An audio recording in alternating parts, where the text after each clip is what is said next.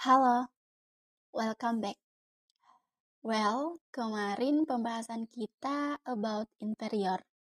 Nah, kali ini mari kita bahas kebalikan dari inferior. That is superior. Dalam kamus, superior itu artinya hebat atau besar. Jadi, perasaan superior berarti perasaan merasa bahwa kitalah yang paling hebat dari orang lain.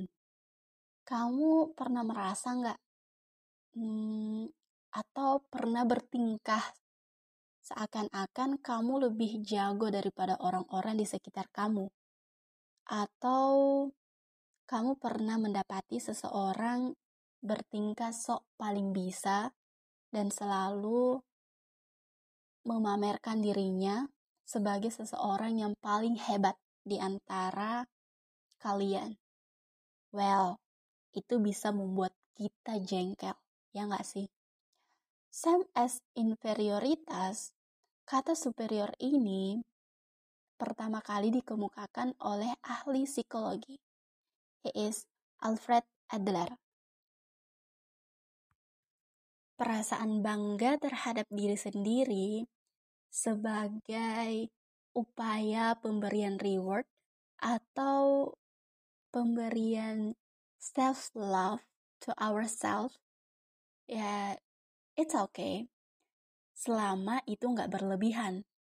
Nah kalau perasaan superior yang sudah sangat berlebihan bahkan seperti yang aku katakan tadi bisa membuat orang jengkel that is called superiority complex atau kompleks superioritas, di mana seseorang gak berhenti-berhentinya untuk berusaha memamerkan diri, merasa bahwa dialah yang paling pintar, dia yang paling tahu segalanya.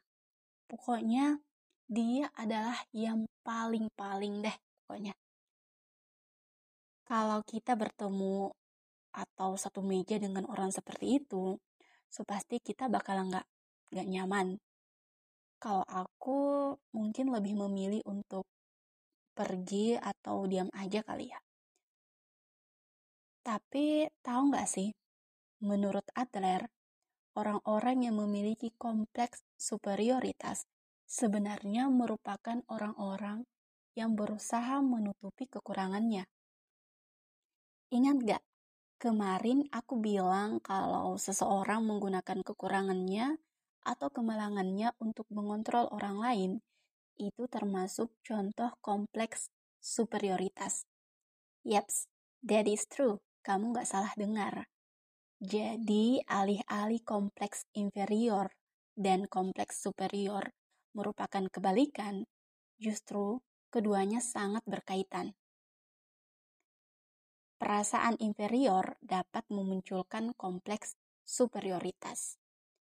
Seperti yang aku katakan kemarin, seseorang yang memiliki satu masalah, lantas ia memilih give up dan berakhir hating their self, it's called complex inferioritas. Nah, kalau misal dia justru membuat seakan-akan dialah yang paling menderita di dunia ini, dan membuat orang-orang di sekitarnya berhati-hati agar tidak melukai perasaannya. Itulah salah satu contoh dari kompleks superioritas yang dihasilkan dari perasaan inferior. So, how to reduce atau menghilangkan kompleks superioritas ini? Ya, ini bukanlah masalah yang serius, Maksudku, menurut informasi yang kubaca, kompleks superior ini tidak dikategorikan sebagai penyakit mental. Tapi hmm, itu akan sangat mempengaruhi kehidupan sosial kita. Ya, personally, aku bakalan ngejauhin orang-orang yang seperti itu. Jadi, bisa saja orang-orang yang memiliki kompleks superioritas ini dijauhi teman-temannya.